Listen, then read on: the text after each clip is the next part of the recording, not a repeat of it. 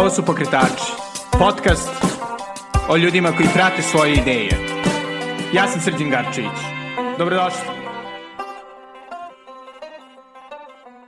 Ćao i dobrodošli u najnoviju epizodu Pokretača. Današnji gosti su Uroš i Milena Stojanović, koji su pre šest godina odlučili da zamene Beograd sa prelepim šumadijskim selom Misača, inače poznatim jer je podarilo Jovanu Preković, našu olimpijsku karatistkinju, i započnu svoju malu farmu, uključujući i sjajan biznis, rođak sa sela, koji prodaje divne kobasice. E, sa Urošem i Milenom sam pričao o tome kako izgleda život na selu, kako izgleda zameniti ulice, stare palilule, e, prelepim predelima misače, izazovima s kojima su susreli, e, problemima koje muče naše poljoprivrednike, koje pogotovo muče ljude koji su odlučili da zamene grad selom e, i naravno o tome kako izgleda punjenje kobasica, to jest ovaj, kako izgleda e, pravljenje jednog sjajnog domaćinskog biznisa. E, pre nego što čujete Uroša i Milenu, hteo bih da vas zamolim da razmotrite E, da podržite pokretače, to možete uraditi na adresi patreon.com, kosacrta Belgrade ili preko Paypala na adresi paypal.me, kosacrta Sagarcevic. To bi naravno dosta značilo. Želim da se zahvalim svim divnim ljudima koji me trenutno podržavaju i koji su me podržavali od njihovog novca, jeli mogu da priuštim malo bolju opremu i naravno ovaj, na neki način da vidim da ovo bilo koga zanima, naravno kao i ovaj, moj blog The Natural Times i moj Instagram profil The Belgradist.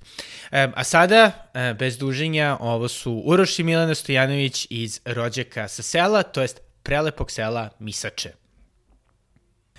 Pa hvala puno, evo ovde smo ovaj, vrlo idiličnom šumadijskom selu. Ove, ovaj, sada bi se ovde čula neka frulica, ono da je ovo RTS show, nažalost nije. ovo je realnost.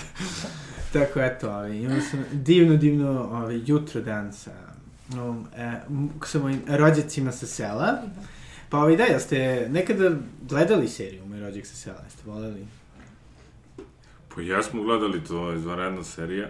Ovaj, e, sad dobro, mnogi gledaju i upoređuju sa nekim drugim serijama koje su vezane za sela, zapravo ona nije ona onako ozbiljnija serija i provučena kroz, da, ozbiljna tematika, provučena kroz neku komediju, malo delimično, ali sjajna, sjajna serija. Da. Ali nismo se mi za nju vezali zapravo.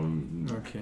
Kod nas je to malo drugačije počelo, nikog nismo imali na selu i ovaj, tako smo i otišli, ovaj, e, kad smo mi otišli na selo, svi su ono dolazili, dolazili, dolazili i onda smo mi poslali zapravo njima rodice seo. Da, i, i zapravo šta je, da kažem, bila kapisa da ste odlučili da... Pa falilo nam je vreme, da provedemo vreme prvenstveno kao porodica, pogotovo smo postali svesni tog problema kada smo dobili decu. I onda nam je to bio bukvalno okidač zato što ne postoji ništa što je vrednije od porodice i puno poslova čovek obavi tokom života, zaista po meni, ja kad sam dobila deca, stvarno mi je to bila jedna velika promena i shvatila sam da svaki posao možeš da radiš i da u njemu omaneš, ali kada omaneš sa decom, tu je mnogo da. veliki da. gubitak. I onda sam želela da zajedno učestvujemo, jer mi smo imali sreću da nas odgajaju i mama i tata zajedno. Ugledali smo se na baku i deku koji su živeli zajedno i koji su se ovaj, stvarno jako voleli i jako složno ovaj, podizali celu svoju priču. I ja sam želela, da, kao i Uroš, da prosto ovaj, to prenesemo i na našu decu i da naša deca imaju mogućnost da podjednako i mama i tata učestvuju u njihovom odrastanju. Da. Shvatili smo, nažalost, da Beograd puno vremena oduzima, a negde i nezavisno ovaj, je postojala u nama neka želja i volja da u nekom trenutku našeg života zamenimo gradski život seoskim I onda, kažem, kad su deca prosto došla, onda smo shvatili da nemamo šta da čekamo, da smo mi, tad smo imali 30 godina, puni i snage i elana i volje i želje da nešto stvaramo i da treba da iskoristimo i taj naboj i taj moment svoj maksimalan i tako smo prešli na selo brzo. I pomenuli ste kako niste imali jeli, rođake na selu, ali jel ste ono kao voleli prirodu ranije, ne znam? Pa, voleli smo svakako. Ja sam je ovaj, poljoprivredni završio, ovaj, neka ljubav, eto tako, prema voćarstvu koja se ovaj, još tada formirala. Aj sad, uvek smo voleli da odemo u prirodu, da posećujemo parkove i živeli smo baš blizu parka Tašmajdana i više smo bili tamo kad god smo mogli nego ovaj, u stanu svakako ali nam je uvek nedostajalo, znači, uvek smo teli više da budemo ovaj, u prirodi, u kontaktu s prirodom nego što smo bili i onda prosto tako, nismo imali rođike, nismo imali gde da idemo, nismo imali koga da posećujemo, bez neke najave i tako dalje ili rezervacije i ovaj, tako smo se i onda odlučili da napravimo neki iskorak mi pa da vidimo kako se da izgleda. Ne, I odlučili ste se za ovaj, olimpijsko selo. Da. Jeste, sad je olimpijsko, svetsko, evropsko. da, kako, kako ste izabrali lokaciju? Pa zapravo smo, ovaj, uh, ja sam negde u glavi imao ovaj, želju za Šumadijom, a Milena je htela onako, lajički kao ajmo u Vojvodinu. Ja nisam znala da postoji razlika, e, naravno da može bilo koja biljka, izvinite da prekidam, da uspeva i u Vojvodini i naravno da može i žito da uspeva u šumadi, ali sad posle ovoliko godina, jer ja sam neko ko nima nikakve dodire sa poljoprivredom, sada mi je jasno kada kažu Vojvodina je žitnica, šumadi je voćarski kraj, jasno mi je zašto. Biljkama ipak treba neka nadmorska visina, žitaricama ipak treba malo ravnije ovaj, zemljište, tako da sve ima svoje i čovek kada se opredeli, za e, pravac u toj poljoprivredi stvarno treba da gleda i taj geografski aspekt Ove, bez obzira da li je laik ili, ili da, nije. Pošto mi naravno kao ekonomisti ove, da. znamo sve i sve je međusobno da. ove, da. zamenjivo i rešivo, tako da šta, da. žito šta god. Šta, da. Evo. Pa dobro, to, to je svakako ovaj, bitan jedan faktor i ovaj, onda smo došli, zapravo smo oglasima nešto gledali tamo malo, međutim to se svakako ne kupuje preko oglasa ovaj, došli, videli, dopao nam se je kraj kao kraj i onda smo malo zagrebali više ovaj, po toj površini, naši čoveka koji prodaje jedno zapušteno imanje i to zapravo tako i počelo. E, najpre odgovarala nam je cena koju nam je čovek nudio, ovaj, svakako bitan deo ovaj, pri odluci da se ode na selo. S tim da nas je samim tim je pratio veliki rad, jer je to bilo dosta zapušteno.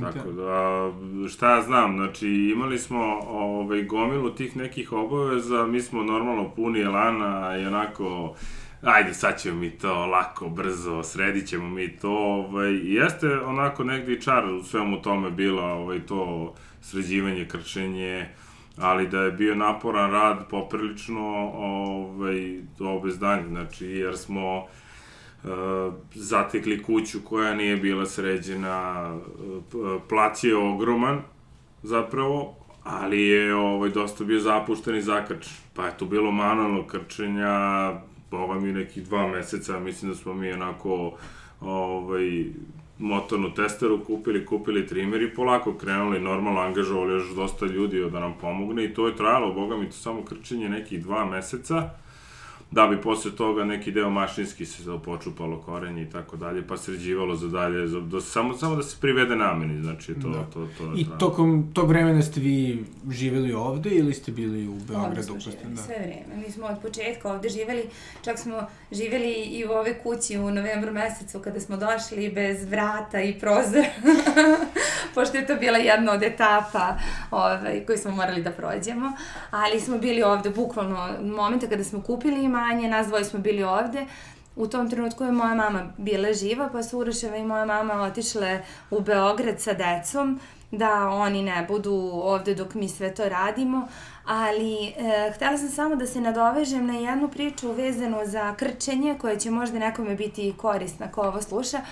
Ove, I ja sam završila smer marketinga ove, na ekonomiji, onda se sećam, jednom je profesor naš Zoran, zaboravila sam kako se preziva, nažalost, jer sam slaba sa, sa pamćenjem imena i prezimena, uh, dao nama jedan zadatak da ovaj, razmislimo kada bismo se našli u jednoj novoj sredini, da li bismo uzeli lokalca i dali njemu ovaj, neki svoj procenat ili bilo šta nebitno, da li bismo angažovali nekog iz lokalne ovaj, zajednice da nam pomogne da, da prodamo proizvod ili bismo sami ovaj, prodali svoj proizvod i naravno ekonomisti kao ekonomisti, zašto ja bilo kome da dajem procenat od bilo čega kada ja sve to mogu sam, samo treba da ispitam tržište.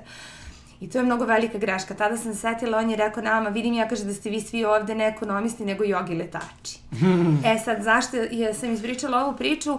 Zato što vam je to bukvalno u svemu. Ono što je Uroš ispričao, a, mi kada smo došli ovde, mi smo bili neko ko je nov u ovoj zajednici i nije se radilo o tome da ljudi nama nisu hteli da pomognu, nego prosto ni mi u tom trenutku nismo znali kome da se obratimo.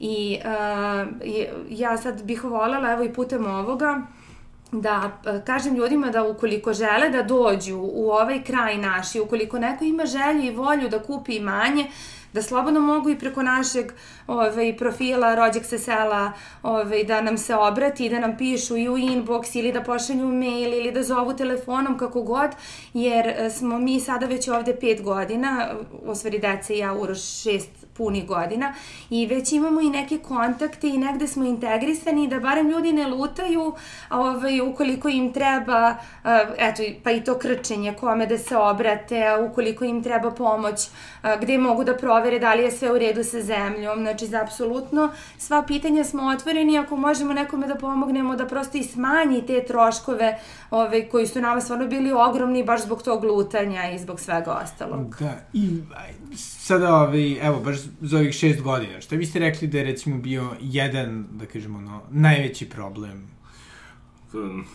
Sad, kako teško izdvojiti to, mislim, u principu na selu ti stalno saboriš sa, sa nekim vrstama, ono, nekim vidovima problema, ali, ovaj, šta znam, na, na, najskuplje tu neznanje, ono, da. kada dođeš ovaj, i ne znaš šta bi sa nečim uradio, kako bi uradio, ne znaš koga ni da pozoveš, uh, to ti stvarno onako baš uh, jedan nemir i, i ovaj, kako se zove, kada lutaš u svemu tome, to jeste muka, uh, ali postoje neke stvari na koje čovjek treba da obrati pažnju koje može da predupredi pre samog odabira. Naprimjer, recimo to kada tražite neko imanje, kada ovaj, želite nešto da se odlučite da E, možda je naj, najbitnija stvar u tome proveriti neke o, osnovne ovaj, a, stvari, da li se nalazite u građevinskom području, izvan njega, izvan građevinske zone, kako to izgleda, da li tu nešto može da se zapravo napravi što vi želite ili ne može, da li ta kuća je, ovaj, kako da kažem, da li ima građevinsku dozvolu, da li pripada tom nekom delu, to su neke stvari koje bi sutra vas ograničile, a vama se to dopalo, niste proverili i ovaj, to je ne, neke, neke stvari koje ovaj, uh, koje bi vas ograničile dalje. Ove, ovaj, prosto treba proveriti te namene, znači pri kupovini obavezno čemu je namenjena zemlja, šta se sve nalazi okolo toga, šta sa time može da se radi i, i ovaj, da bi lakše vi odabrali taj put kojim želite. Sa nekog da. bi možda želeo neku štalu da gaji neke životinje, a ne može da je sazida. Na primjer, recimo.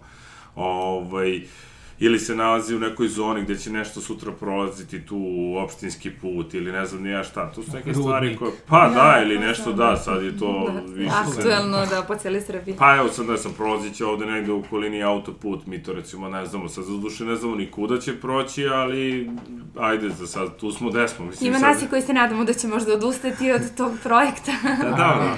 da. Ne, moraju da odustanu, daleko od toga, znači će nam dosta, ali ovo, bilo bi lepo da zaobiđe nas i naše imanje manje, da ne bude baš blizu, tako da... Ali, ovi, ali recimo, postojala, da kažem, jedna stvar za ovih šest godina kad sam bio na foru, ok, napuštamo ovo, ne može, kraj, ne. gotovo. Ne, to, toga nema. Mislim, mi smo stvarno doneli čvrstu odluku da budemo na selu i ima momenta kada, evo, najiskrenije, ono, ja kažem, ono, da li smo možda trebali u nekoj drugoj zemlji sve ovo da radimo, Aha. nažalost, zato što ovaj, nedostaje puno podrška.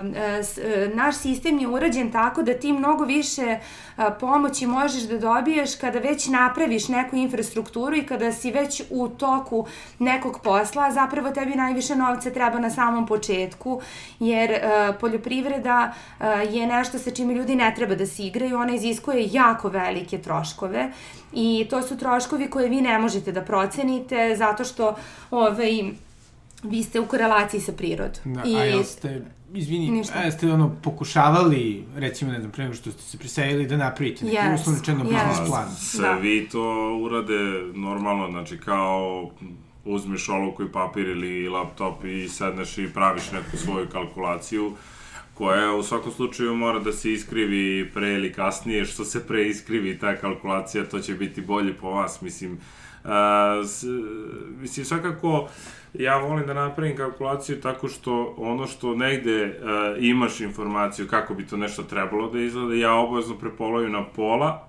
pa vidim da li sam sa tim zadovoljan, ako sam sa tim zadovoljan, onda sam u nekom optimumu eventualnom, da. znači s tim što ni tih 50% nisu garant da će ih biti. Da. I dobri, gde je bio taj benefit da, da ti Milena ekonomista, ti Uroše si, mislim imaš iskustvo sa voćarstvom, nije yes. sve bilo abstraktno. Mislim. Yes. Pa dobro, nije bilo abstraktno u tom smislu, uh, uh, znači, uh, kako se kažem, znači, ja znam šta treba da se uradi, ovaj, u kojim fazama, kako će to da izgleda negde, ovaj, u svojoj glavi ima zamisao, ali u principu tehnički kako se to radi i kako se to izvodi, ovaj, nije mi bila neka poznanica, pošto smo oboje živeli u Beogradu, došli i jednostavno nismo imali prilike to da vidimo. Pa i ne samo to, nego generalno mnogo je teško dati bilo kakav savet zato što uh, stvarno se mnogo pro, menja klima i mnogo se menja sve i onda ti ne možeš da uh, dobiješ uh, pravu informaciju, ništa ti ne znači da ti neko kaže prošle godine sam prošao super sa nekom voćkom,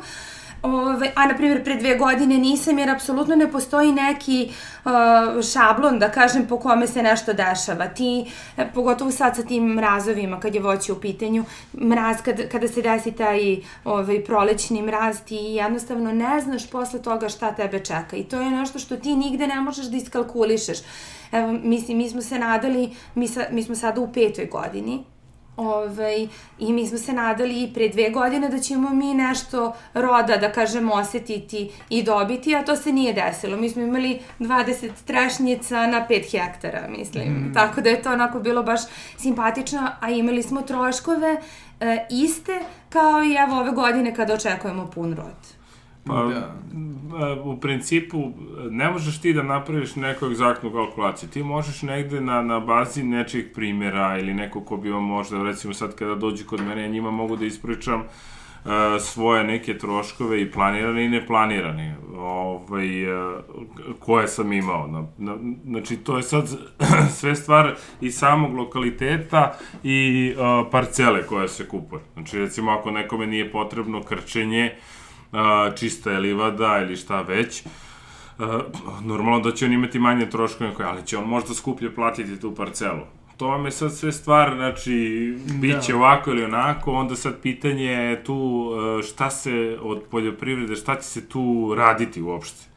Znači, nije isto kad neko hoće da uzgaja životinje, nije isto kad neko hoće da uzgaja voće, nije isto kad neko želi da ima plastenik, staklenik, da. rasadnik. Ili da to... samo prerađuje. Yes. Ili samo da prerađuje nešto. Znači, to su sad sve stvari ovaj, odabira eh, ko bi i kako, zašto se odlučio. E sad, eh, generalno, svi mi se hvatamo i volimo to voćarstvo. Znači, zato što je normalno najprofitabilnije, nekako je ajde da kažem, ne mislim bukvalno najčistije, ali e, prosto je, znači to je najskuplja stvar na tržištu koja može u tom nekom svežem stanju da se proda, za razliku od, ne znam, žitarice, povrća, šta ja znam, čak i mleko nije na, na takvoj ceni kao što je voće. I ovaj, ali onako ljudi generalno kažu kao ajde posadimo pa ćemo da čekamo. Mislim, tu se ništa ne čeka, to je ovaj, mukotrpan rad sve te godine dokle god to dođe na neki svoj rod. Ovaj, i... Isto se radi, nebitno da li je prva, druga, treća ili peta godina ili petnesta, vi potpuno isto radite, razlika je samo u veličini biljke i da. onome šta joj dajete i u kolikoj meri. Naravno, manja biljka potroši manje prihrane, to je istina, ali sa druge strane ti moraš više da je zaštitiš, moraš više nekih drugih elemenata da joj daš koji su njoj potrebni kada ona raste. Da, i pritom naravno u početku, jeli, ne postoji novac, kao što ste mi ne, ne, ne, ne, da, postoji. mislim, to, to je... mnogo veliki problem. To ovaj... je, to je na, naravno najveći problem u suštine tome, znači najčešće se ljudi uhvate lešnik orah, ovaj, sad, m, verovatno niko u tom trenutku onako ne porazmisli malo dublje o tome, sad lešnik i orah su kulture koje su stvarno profitabilne, ali niko ne, nema uvid u to, uh, šta znam, orah treba mu 10 godina da počne da rađe. Znači 10 godina je period u kome vi nećete od toga što ste posadili apsolutno ništa dobiti. Možda ćete napraviti neku tortu u tih 10 godina i to je sve.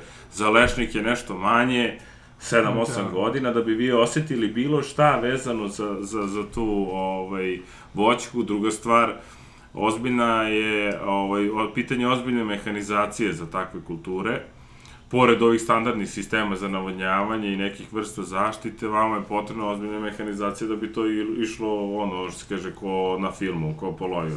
To da. kod nas redko ko ima novca da tako nešto investira i da, sa, mislim, da sačeka, ne sačeka, nego da radi, a da ne privređuje od da. toga. I, I recimo baš ovaj, jedan, kako što ti Milena pomenula nedostatak podrške, mm -hmm. pogotovo u početku, šta mislite da je bila nekako, da kažem, najveća zapravo što je bila najveća rupa u našem sistemu. Pa najveća rupa da je taj početak. Vi dobijete pomoć za kupovinu sadnica, ali kupovina sadnica vam je bukvalno so u moru. Vi pored kupovine sadnica kada kupite uh, imanje, ajde i da pretpostavimo većina ljudi realno dolazi na neka imanja koje imaju ili koje su nasledili, pa ajde da taj trošak izuzmemo iz svega, ali ogroman trošak je, na primjer, sistem za navodnjavanje. Dobro, pa onda... to postoji i pocici. Pa Nije pa postoje, stvar u tome, ali... znači, mnogo je... Šta je najveći, najveći problem u, u, u tome? Najveći problem u svim tim stvarima je e, što ti nemaš e, operativne troškove, to je isključivo ovaj, e, tvoj, mislim, normalno da je tvoj trošak, ti imaš gomila nekih stvari koje bi mogle da se ovaj, umanje, mogle bi da se pomogne oko plasmana najviše, znači to je recimo da. jedan najbitniji faktor, Uh, jer uh, svako od nas je... Pa i za tu prihranu i zaštitu pa, isto ne postoji, ali, znači... ti sve vreme đubriš ono i, i, i poboljšavaš i zemlju i svašta nešto odradiš, a realno ono, za to u, ne U principu, pomoć. kako, e, svako od nas će se snađe za novac da nešto napravi. Znači, to je neko onako ovaj, moje razmišljanje, pozajmit ću od kuma, otići u banku ili šta ti ja znam, da nešto napravi, šta je htio da napravi, ali e, šta mu je mnogo veća muka? Mnogo veća muka da plasira tako nešto. Onda ne postoji nikakvi vid e, zaštite onoga što ćeš ti da proizvedeš jedne godine, evo recimo uh, priča sa višnjama. Sad je recimo povađeno i posečeno ko zna koliko stabala i plantaže višenja, uh, jer u periodu pre, ne znam, desetak, 12 godina je višnja imala super cenu. Sada je ona spala na tri puta manju cenu. Ako je tad bila 120 dinara, sad ona ne može da pređe 40 dinara na otkupu. I sad je to veliki problem. Znači, ako imate berača koji bere za 27 dinara i vi se iskoristili ne, neke od ovaj, agrotehničkih i pomotehničkih mera na njima, vi apsolutno nemate nikakvu kalkulaciju da to oberete. Da. Nebitno da li ručno ili mašinski. U svakom slučaju to košta određene novce, gde vi nemate, nemate nikakvu ekonomsku opravdanost, a već imate pun rod, zasad, nečega s čime ne znate šta da radite. Da. E sad, to, to je, naj, mislim, po meni najveći problem poljoprivrede jeste, znači, pomoć u samom plasmanu.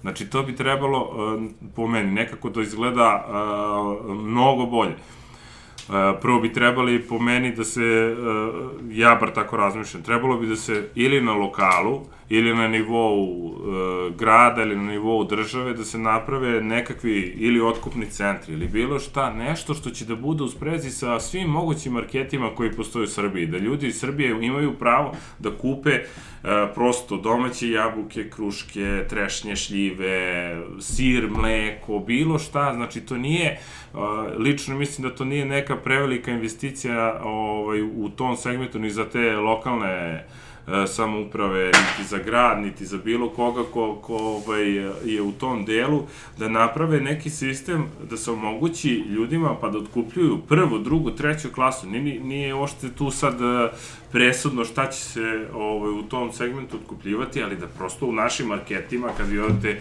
u bilo koji strani market koji se nalazi kod nas, možete da kupite barem deo nečega iz Srbije. Da. Sve što fali neka uvezu, nije ništa sporno, neka se omogući našim poljoprivrednicima neka zagarantovana cena. Kolika da. god da je, ipak bi čovjek seo i, i rekao, dobro, ja mogu to, mogu na toj površini, mogu toliko toga da proizvedem iz primjera mog kuma, brata, komši, šta ti ja znam, znam, evo on daje to tu i tu, njima garantuju minimalnu otkupnu cenu od ne znam nija koliko novaca, sad ako je i bolja tržišna cena dobiju bolje, da ne idu ispod toga i da, da je to možda negde ključ uh, za, za ovaj uspeh te ne, neke naše poljoprivrede, gde bi se, ja, ja sam siguran 100% da bi se u tom slučaju, kad bi tako nešto postojalo, da bi se uh, nama, po, ono, sama poljoprivredna proizvodnja podigla ne postojeće, nego i novi poljoprivrednici pojavili u nevrovatnom broju. Da. Sigurno. Ja mislim da, ne znam da li, sam, da li sam u pravu ili ne,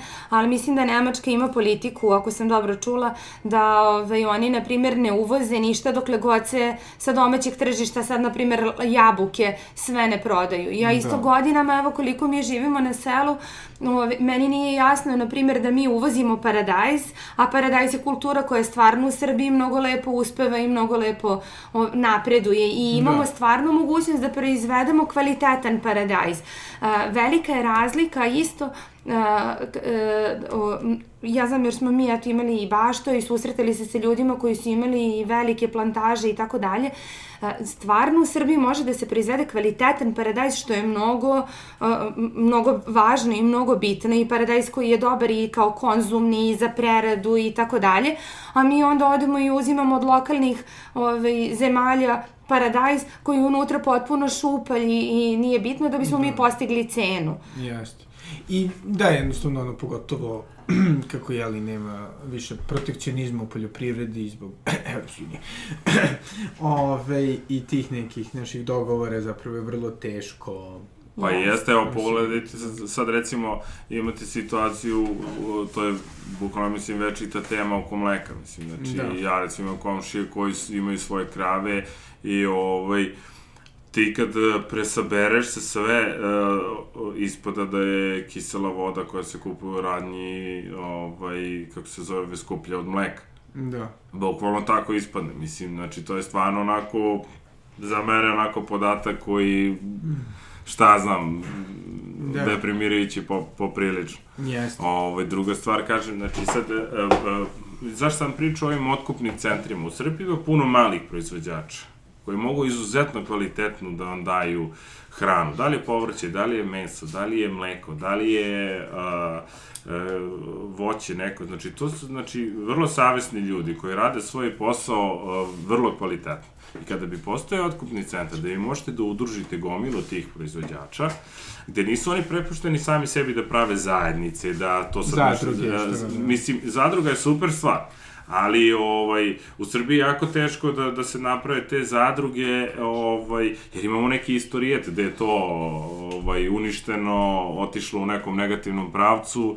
Ovaj sad ne bitni su razlozi tome, ja to ne mogu ne mogu da znam niti sad ajde, nije ni bitno moje mišljenje generalno o tome kako su one uništene, ali šta je priča, mislim, e, od silnog tog nepoverenja koje postoji sa opravdano, znači od strane e, seljaka i proizvođača, ove, negde i, i logično sled da se ne udružuju, mislim, prosto nemaju poverenja u to, ali kad bi se napravila neka zagarantovana ta priča plasmana i otkupa, mislim da bi to bio ovaj, sasvim, sasvim ovaj, jedna potpuno druga slika, kada bi država to uradila kao država, znači ako bi ona stala iza toga, imala bi apsolutnu korist od toga, jer ona ima apsolutnu mogućnost to i da plasira dalje, ako se pojavi višak toga da izveze, da li ona ili neko ko će to da bude saradnji potpuno nebitno, ali bitno je da se tim nekim svojim primarnim proizvođačima omogući da oni imaju neku garanciju da će to što proizvedu imati gde da plasiraju i da imaju da. neku osnovnu zaradu od toga sa kojim bi oni bili prezadovoljni. Znači, mislim, ja...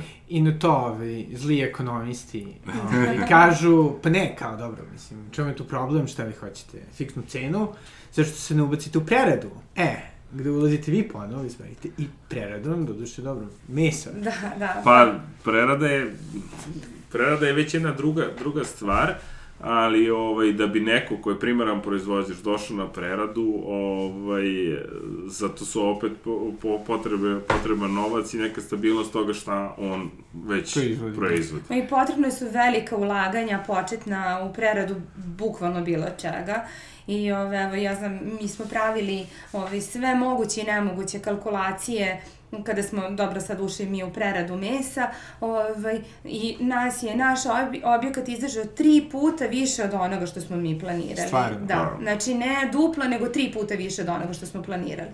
Zato što uh, propisi se menjaju, vi ako hoćete da radite kako treba, vi to treba sve da ispoštujete i uh, to su ne, neprestana ulaganja i evo mislim da ono, da, da imamo mogućnosti ono, da nastavimo i dalje da, da ulažemo. Mislim, svakako nam jeste to u planu, ali sad ipak moramo da se posvetimo prodaju u ovom trenutku da bismo barem deo novca ove, vratili, ali mi neprestano i od toga što prodamo opet ulažemo I šta je jedan veliki problem koji ljudi treba baš da znaju, znači pokretanje bilo kakve prerade zahteva određeni, određena pravila u koje morate da uđete, što je apsolutno odlično, ali yes. dolazimo do jednog ovaj, e, problema s kojim smo se mi suočili, a to je da, da ovaj, e, taj objekat mora prvo da bude odobren. E sad recimo šta je nas zadesilo, znači počela je, e, kad smo mi počeli, počela je korona. I sada vi imate otvorenu firmu, koja ima svoje izdatke, troškove, imate ovaj, čoveka koji je zaposlen, odnosno ja, znači tu koji treba sebi da plati porez i doprinose, a nema mogućnosti da radi, jer nije odobren, jer je nastao haos u državi. To su neke situacije na koje ne možete da utičete u tom nekom uh, smislu, sa to je kod nas trajalo 11 meseci. 11 meseci ti treba da nešto observiraš, sad recimo, moja neka viđenja to. Ako postoji neka vrsta procedure, I to je u redu sled, otvoriti firmu, pa nešto, uh, podneti neke zahteve, napraviti objekat koji zadovoljava HASAP standard ili koji god da su standardi u, u pitanju, u redu je to napraviti, ali onda u redu, na primjer, recimo, ovaj, da, da bilo koja institucija se bavi tim delom, sad ja ne znam u strukturu državi ko bi se bavio tim delom, ali e, bilo bi nekako dobro i logično da oni njima ne otpišu te troškove dok ne rade, nego da im jednostavno pauziraju do momenta dok ne počnu da rade. Naravno. Znači, kada pauzirate nekome trošak, taj, e, sad zamislite sad kako to izgleda u našem slučaju Znači, korona, vi ne možete da radite ono što biste eventualno profitirali i radili i plaćali to, vi imate samo trošak i to traje 11 meseci. 11 I onda nakon 11 meseci ti ne ulaziš u priču gde si ti nešto započeo pa da je sada neko čuo za tebe, nego posle 11 meseci ti tek krećeš. Naravno, na tržište se izlazi malim koracima, mi smo mali proizvođač, mi smo mala prerada i mi moramo da idemo malim koracima, sve je to u redu ali je veliki problem zato što ti za sve vreme dok praviš te male korake imaš jako velike troškove. troškove da. Tako da tih 11 meseci koje je on pomenuo zapravo nisu 11 meseci, znači to je bio 11 meseci gde mi nismo imali ni mogućnost da zaradimo ni jedan jedini dinar, a uredno smo imali sve moguće troškove iza sebe, a onda je nakon toga usledilo još uh, 10 meseci gde je nama trebalo da prosto mi uđemo na tržište i da ljudi negde dođu do naših proizvoda. Znači, to je period od, od gotovo dve godine. Mi smo počeli, u ovaj, dozvolu smo dobili u, u, u februaru. 2020. a u novembru 2021. 19. novembra smo prvi put, da kažem, izašli na tržište i prvi put nešto prodali. Znači, za sve to vreme od tog februara do novembra smo mi imali ovaj, ogromne troškove, pritom uh, uh, sve vreme tebi se u, u jednom trenutku i još više povećaju troškovi zato što naravno rade hladnjače, radi objekat, radi sve ostalo, tebi struja, ovaj, poskupljuje voda, samo poskupljuje, to. dodaješ još jednog radnika, a onda čekaš da te kobasice prosto završe svoj proces i da, da uopšte dođu spremne da mogu da idu na tržište. Da, ti imaš održavanje tog objekta, radio ne radio, znači, znači to mora da bude besprekorno, čisto, sterilno i čisto da bi to moglo da funkcioniše. Zamisli kako izgleda 11 meseci kada ne radiš. Ti apsolutno sve ideš i e, ja sam se smejao, mislim, ono, jedno vreme smo već više ono, ideš na nekoliko dana dole, I čistiš. oribaš sve i vratiš se gore, apsolutno ne upališ ni jedan prekidač osim svetla. Da. I to onako, znači, baš bilo To zvuči deprimirano. kao oni, ono, zen sveštenici. E, Nešto evo. radiš nešto. Tako je, tako je. E, to je onaj Ali- moment koji sam ja pomenula da bi bilo dobro kada bi postojali, a, da postoji nešto na našem tržištu što se zove startup. Ovaj, i t- nije ni loš taj startup, zaista startup, ja pričam o fondu za razvoj, koji je dobar, zaista je dobar model svega toga.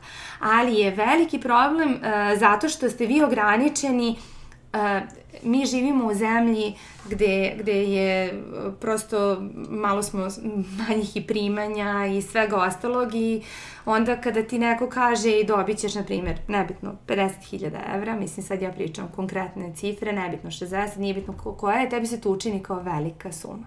Ali kada ti sa tim parama kreneš bilo šta da radiš, ti vidiš da je tebi to u stvari a, samo deo onoga što ti treba da pokriješ. I onda dolaziš u situaciju a, gde ti prosto moraš da, da se izboriš, a, da, da sprovedeš Da, da. do kraja cijelu priču ovaj, i da završiš to što si započeo, a negdje imaš mnogo velike ograničenja i mnogo velike uh, uh, korake koje ti treba da napraviš da bi, da bi došao do Ali toga. evo sad recimo, e, ajde, mislim da ne da imamo toliko sa time delom, znači, a, šta je isto jedan jako veliki problem. Kada se nalazite na, na nekoj, nekom selu, neko, znači, vi ste infrastrukturno, delimično ovaj, odsečeni. Znači, Da. prosto, sad recimo, ako vam je potrebna neka mašina, koja radi na struju, a zahteva neke određene kilovate, a vi to nemate,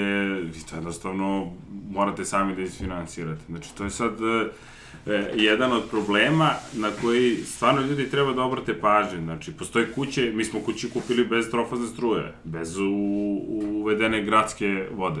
Da. Znači, to je sve sad ne, neka stvar, evo, recimo, mi smo imali 300 metara svog creva i kopanja uh, lancem da dovedemo samo do kuće vodu od vodomera. Znači, vodomer nam je udaljen 300 metara od kuće i nakon toga, znači, se uvodi st- uh, 300 metara, to, to sve sami snosite te troškove, uh, sami to popravljate, sami to servisirate, ovaj, I ti, vi prosto nije to kao ono gradski uslovi. Sad treba mi malo više struje, hoću da plaćam neku industrijsku, nema problema, oni ti tamo preprave to i, i ideš dalje. Znači prosto sad recimo fali ti trafo, mislim to, to je stavka. ozbiljna investicija. To je stavka koja A koju, na košta... primjer, niko ne, mislim, niko to ne finansira.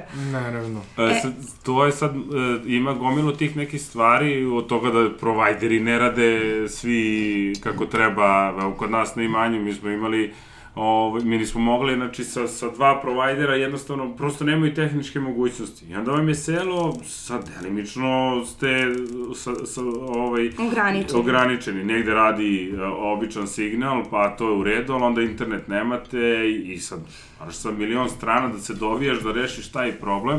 I to je sve prepušteno e, samo tebi, znači isključivo ti moraš da budeš taj koji će da proburgija, da nađe soluciju, rešenje kako da dobije ono što mu je potrebno. Zapravo, e, mislim, još jedna stvar pa možemo da, da završimo, ali čisto da ljudi shvate, e, e, veliki isto tako problem i što podstice koji se daju e, uglavnom funkcionišu tako da ti moraš prvo sve da isfinansiraš iz nekih svojih sredstava, a onda da ti se deo toga vrati. Naravno, to je sve period koji ti čekaš i niko ti ne garantuje garantuje, pogotovo uh, u, u periodima, na primjer, ako ti nešto odrediš pred kraj godine pa čekaš nove pravilnike i tako dalje.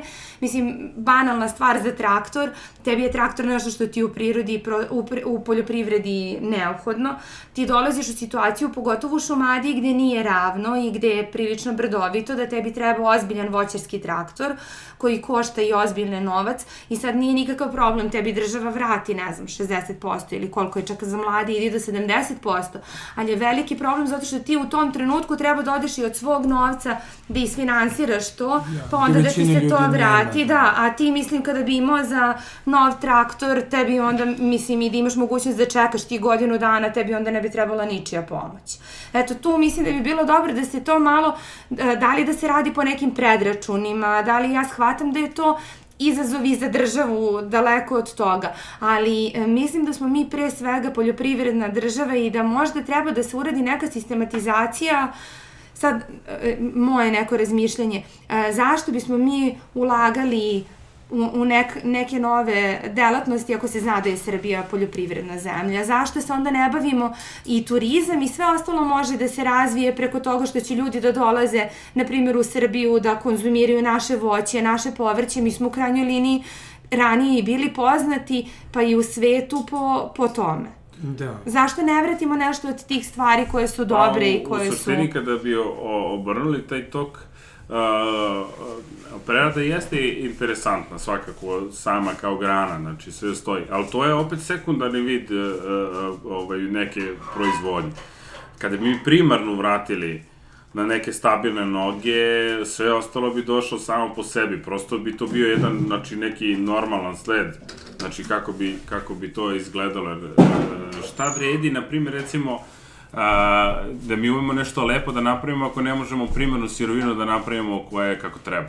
Da. Znači sad i ako ću ja da uvezem meso u Srbiju, gde ono svinje ima u izobilju, da bi napravio neku kvalitetnu kobasicu, mislim, šta sam ja onda uradio? Ja sam samo napravio neki solidan proizvod sa lošom sirovinom ili sa ne znam ja kakvom zaleđenom. Ili sa nestabilnom sirovinom. Da, sa nestabilnom, da, možda da. i nije loša, da, to sad da. je sa stvar ovaj, e, znači, upitno.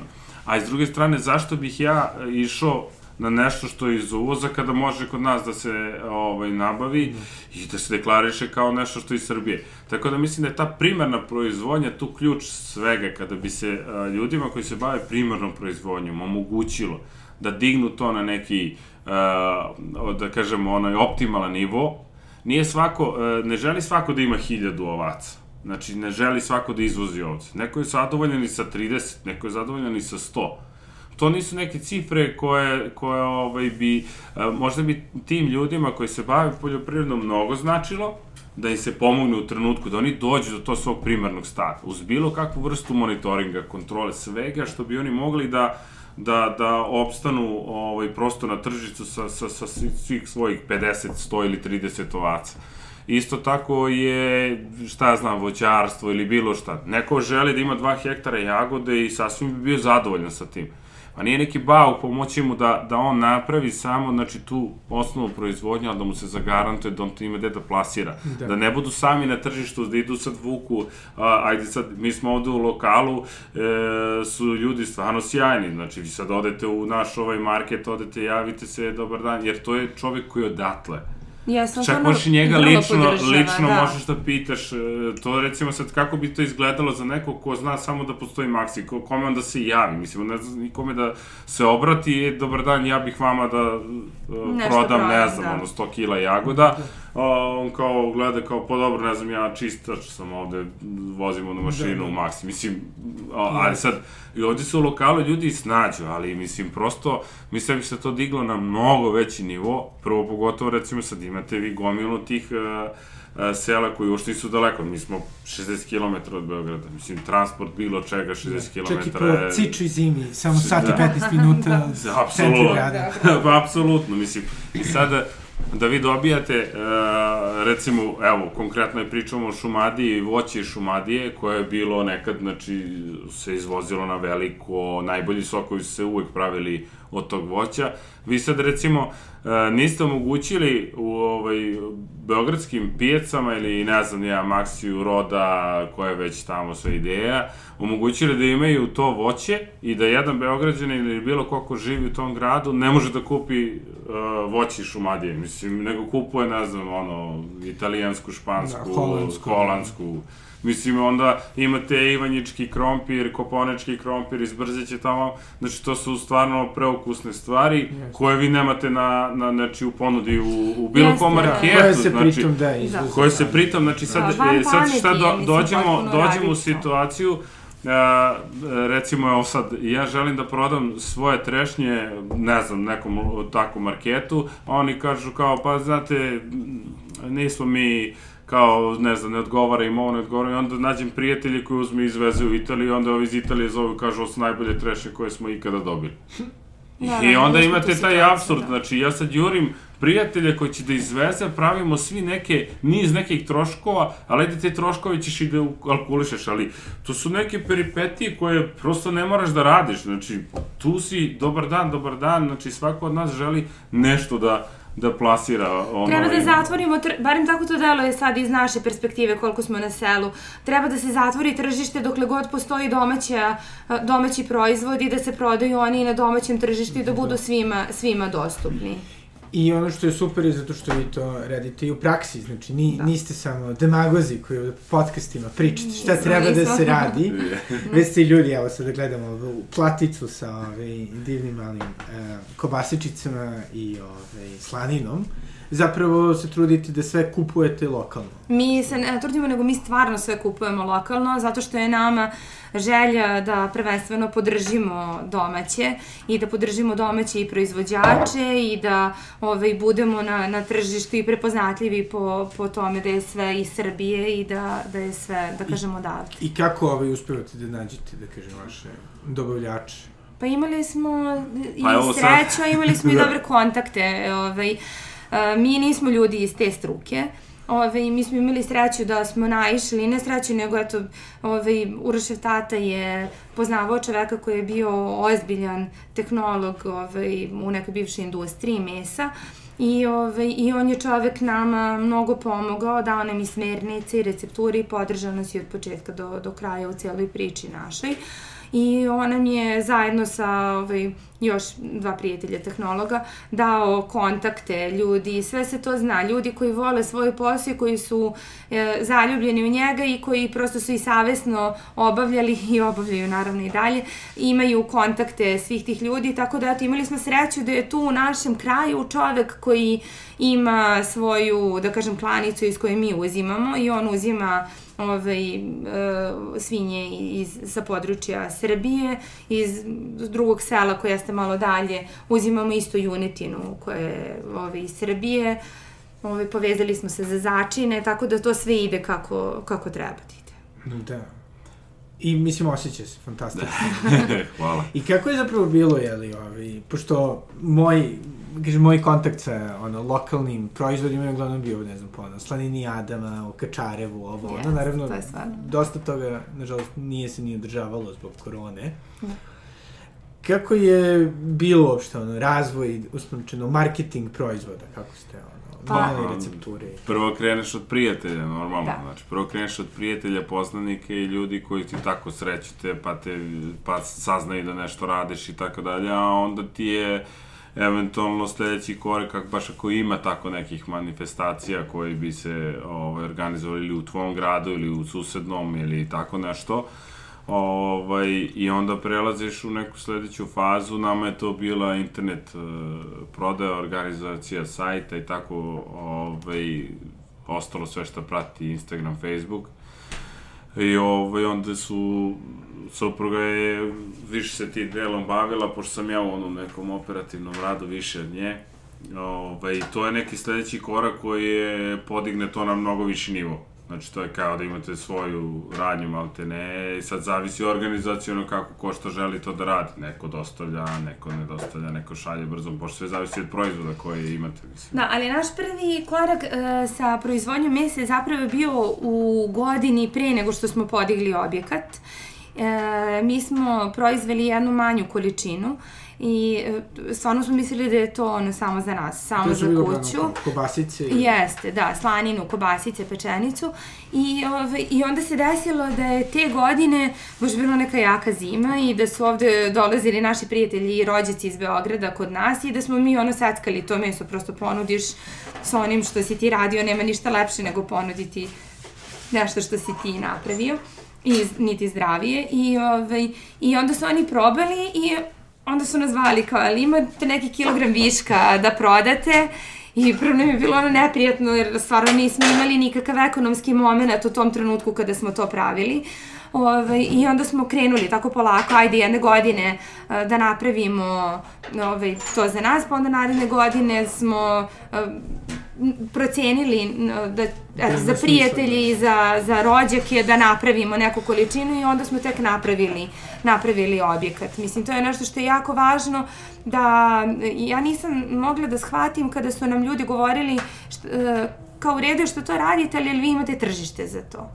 stvarno treba uh, osvojiti tržište ili ga barem ispitati pre nego što bilo šta se odlučite da radite i to je jedan stvarno moj savet svim ljudima kada dođu E, mnogo je važno ovaj, osvojiti tržište i to uopšte nije lak posao. To je posao koji je mukotrpan i posao koji je dug i ti moraš da budeš spreman za sve izazove koji, će, koji se nađu na tom putu. Do, dok država ne napravi ovo što sam ja... Da, da, da. Naravno. Neko neči urošao. Pa da je, da, Da. da. mora čovjek da bude, e, kad je poljoprivreda u pitanju, ošte odluka o, ovaj, o tim stvarima, stvarno moraš da, da budeš e, ovaj, smislen u smislu e, šta bi ti e, proizveo e, da možeš eventualno od toga da živiš ako želiš zaista da presečeš i napraviš neku ovaj, e, prekretnicu u životu tog smisla. Znači, da, da hoćeš da odeš na selo, da hoćeš nešto da proizvodiš, znači moraš da imaš neki proizvod koji će ti relativno brzo doneti novac. Znači, sad, e, ajde ja ću dam neki primer, e, možda najjednostavniji, onako da se, da se sagleda. To je recimo, na primjer, domaće jaja. To je recimo proizvod koji je, ajde da kažemo, relativno jeftin, da. Ali je proizvod koji je vrlo trašan. Znači, sad, eto, ima gomilo tih nekih uh, uh, sistema kako možete da sačuvate svoje kokoške koje se kreću tu vamo po bašti, tamo vamo, koje bi bile, za, za to će vam uvek neko platiti veću cenu i, i to je recimo nešto od čega možete da počnete da imate neki priliv da bi eventualno neki tako sad veći projekat napravili, sad ja eto da iskarikiram, da smo mi imali kokoške, uh, uz voćnjak, opet bi imali neki taj uh, priliv novca da, da ovaj, da. možemo dalje da observiramo ono što smo planirali. Ovako vam se rasipa sve. Znači, bukvalno, i ono što ste vi mislili da ste odvojili, sigurno niste odvojili dovoljno, ovaj, prosto morate da imate neki sistem kako bi ovaj da da da to formirate vaše neko to ovaj domaćinstvo? Ili da uđete u neku vrstu turizma to će svakako odmah donositi neki novac, a pored toga da zidate svoj neki voćnjak, štalu ili šta ste već zamislili. Znači, prosto je to... Znači biti diverzifikovan, da. Isto... Pa, Jeste, i to je najbolje. Moraš, mislim, ili se dobro preračunati, pa o, videti koje su tvoje mogućnosti. Moj, moj, moja topla preporuka je poduplati sve to što ste, ono, sve što ste planirali puta dva, ovaj, barem, ali stvarno... Prihodi puta 0,5. Da. Prihodi puta 0,5. Prihodi nemaju, a, da, a, za ovaj, početak. Ono ste, a ono što ste planirali na kraju obavezno prepolovite na pola i, i ne računate jednu godinu, da, dve dana ničega. Ove, mislim, godinu dana, dve od kad ste vi mislili da će se biti nešto.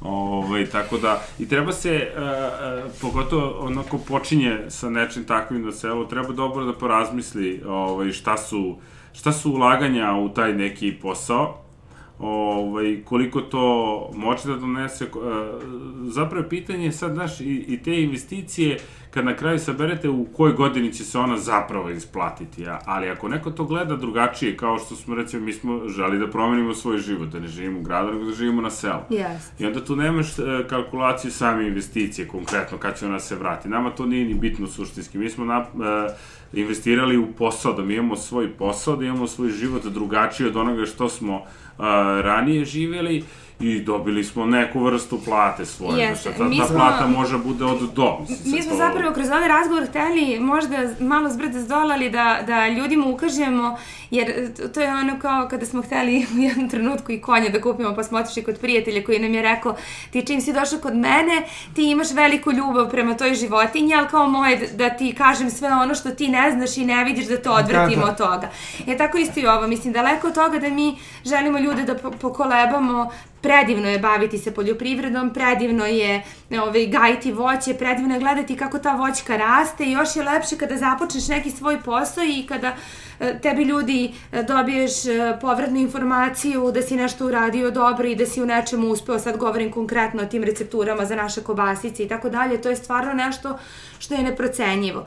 Ovaj, ali naša ideja, koncept ovog, ovog imanja jeste bila da mi ovde stvorimo e, potpuno svoj život, znači da mi ovde i živimo i da, e, da, da i Privređujete, radimo i da, da da. živimo od ovoga. Tako da to je jedna malo teža priča.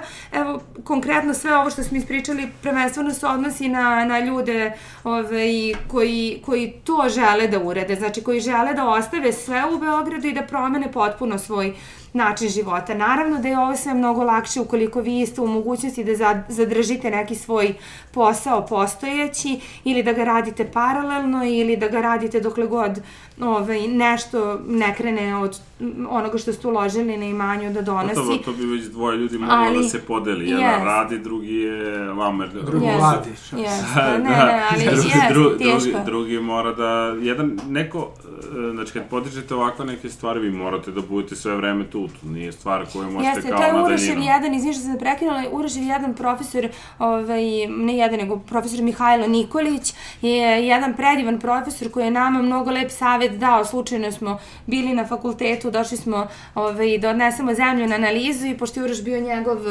ovaj, student, onda ga je prepoznao pitao šta radimo i onda on kaže, ovaj, dobro je, nisi se opredelio za vikend voćarstvo. Vikend voćarstvo ne postoji, vi kada podižete jedan ozbiljan zasad, vi morate neprestano da budete tu ovaj, i, da, i da propratite sve što se dešava, zato što eh, najmanja, najmanji propust vama odnosi taj eventualni rod ili pravi problem za, za dalje za biljku. Hvala puno, ili ima još nešto što biste hteli da dodate? Pošto jeli ove, jeli, tokom, tokom korone dosta ljudi je, čak i među mojim prijateljima, čak i ja, ono, maštalo o tome da odu negde, da... Pa, ja da sam htjela samo da dodam, eto, da se dotaknemo, pošto nismo, nismo ti ni to rekli, ali eto, možda će nekome biti, biti zanimljivo. Mi iz proleća planiramo, naravno, bit će toga na svim našim društvenim mrežama i na našem sajtu ove, oglašeno, planiramo da otvorimo naše imanje ovaj, upravo za ljude koji žele da dođu i da provedu dan u prirodi.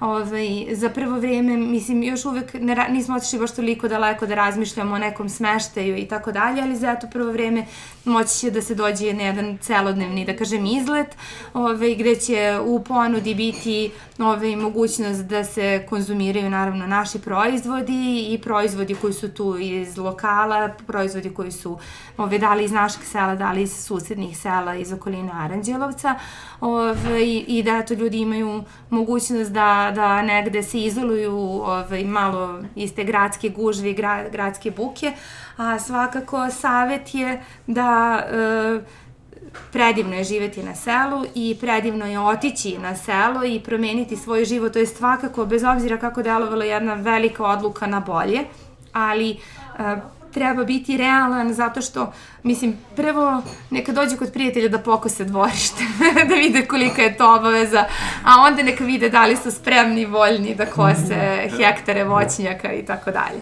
Pa dobro, treba da, da treba dobro da, da razmisle stvarno, ovaj, e, nije, ovaj, ima ona izreka, dakle, nije skup dvorac kao, ali održavanje mu je poprilično. Tako je isto i s ovim, znači, obaveza je to svakako, znači, ovaj, velika, od samog tog košenja pa do svih ostalih stvari koje treba da se urade na, na samom tom nekom imanju, vikendici ili ostalo, Tako da treba dobro razmisliti, znači, da li ti treba, ne treba, kako bi ti to organizacijno uradio, da li bi stvarno nešto iseko promenio, ali u svakom slučaju, i ako sečeš i menjaš, sedneš, raspitaš se, svratiš, pitaš i ljudi će te na selu uvek dobro primiti, da li će to biti mi, naš komši ili neko totalno drugo selo, bukvalno, ne, znači, neće vam zameriti, sednete u kola, prolazite putem, svrate u dvorište, ja bih teo nešto da pitam. Znači, primit ćete na rakiju, na kolače, na, ne znam, nija meze i ispričat će ti sve šta te bude interesovalo. Bukvalno ne treba ti bude glupo da to uradiš,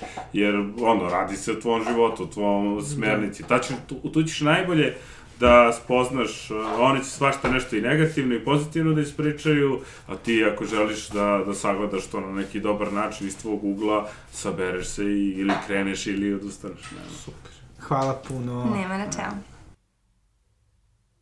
I to su Uroš i Milena Stojanović. E, kako sam probao e, njihove fantastične proizvode, mogu samo da ih preporučim. E, možete da ih kontaktirate, bilo jeli, za poručbine, bilo za e, bilo kakve informacije ako razmatrate da se preselite na selo na adresi rođak sa sela.rs, naravno dž kao dj. Zaista njihova kućica je jedna od najlepših koje sam video, bilo je divno pričati sa njima uz ovaj Alfa Plam šporet u kome su jeli, pucketalo e, drveće, plamen, bilo je zaista divno biti tamo gledati na Kosmaj. E, sada naravno ovaj, takva preseljenja e, jeli, na selu su uh, uvek nešto što nam zvuči vrlo romantično, ali mi je vrlo drago zato što su uspeli da podele sa nama uh, svoje razmišljenja. Ukoliko vas interesuje duža verzija ovog razgovora, pretplatite se na pokretače, na Patreonu, e, tu imate otprilike još 20 minuta u kojima smo dodatno diskutovali o preseljenju. E, hvala puno mecenama, hvala puno vama što slušate i to je to za ovu nedelju.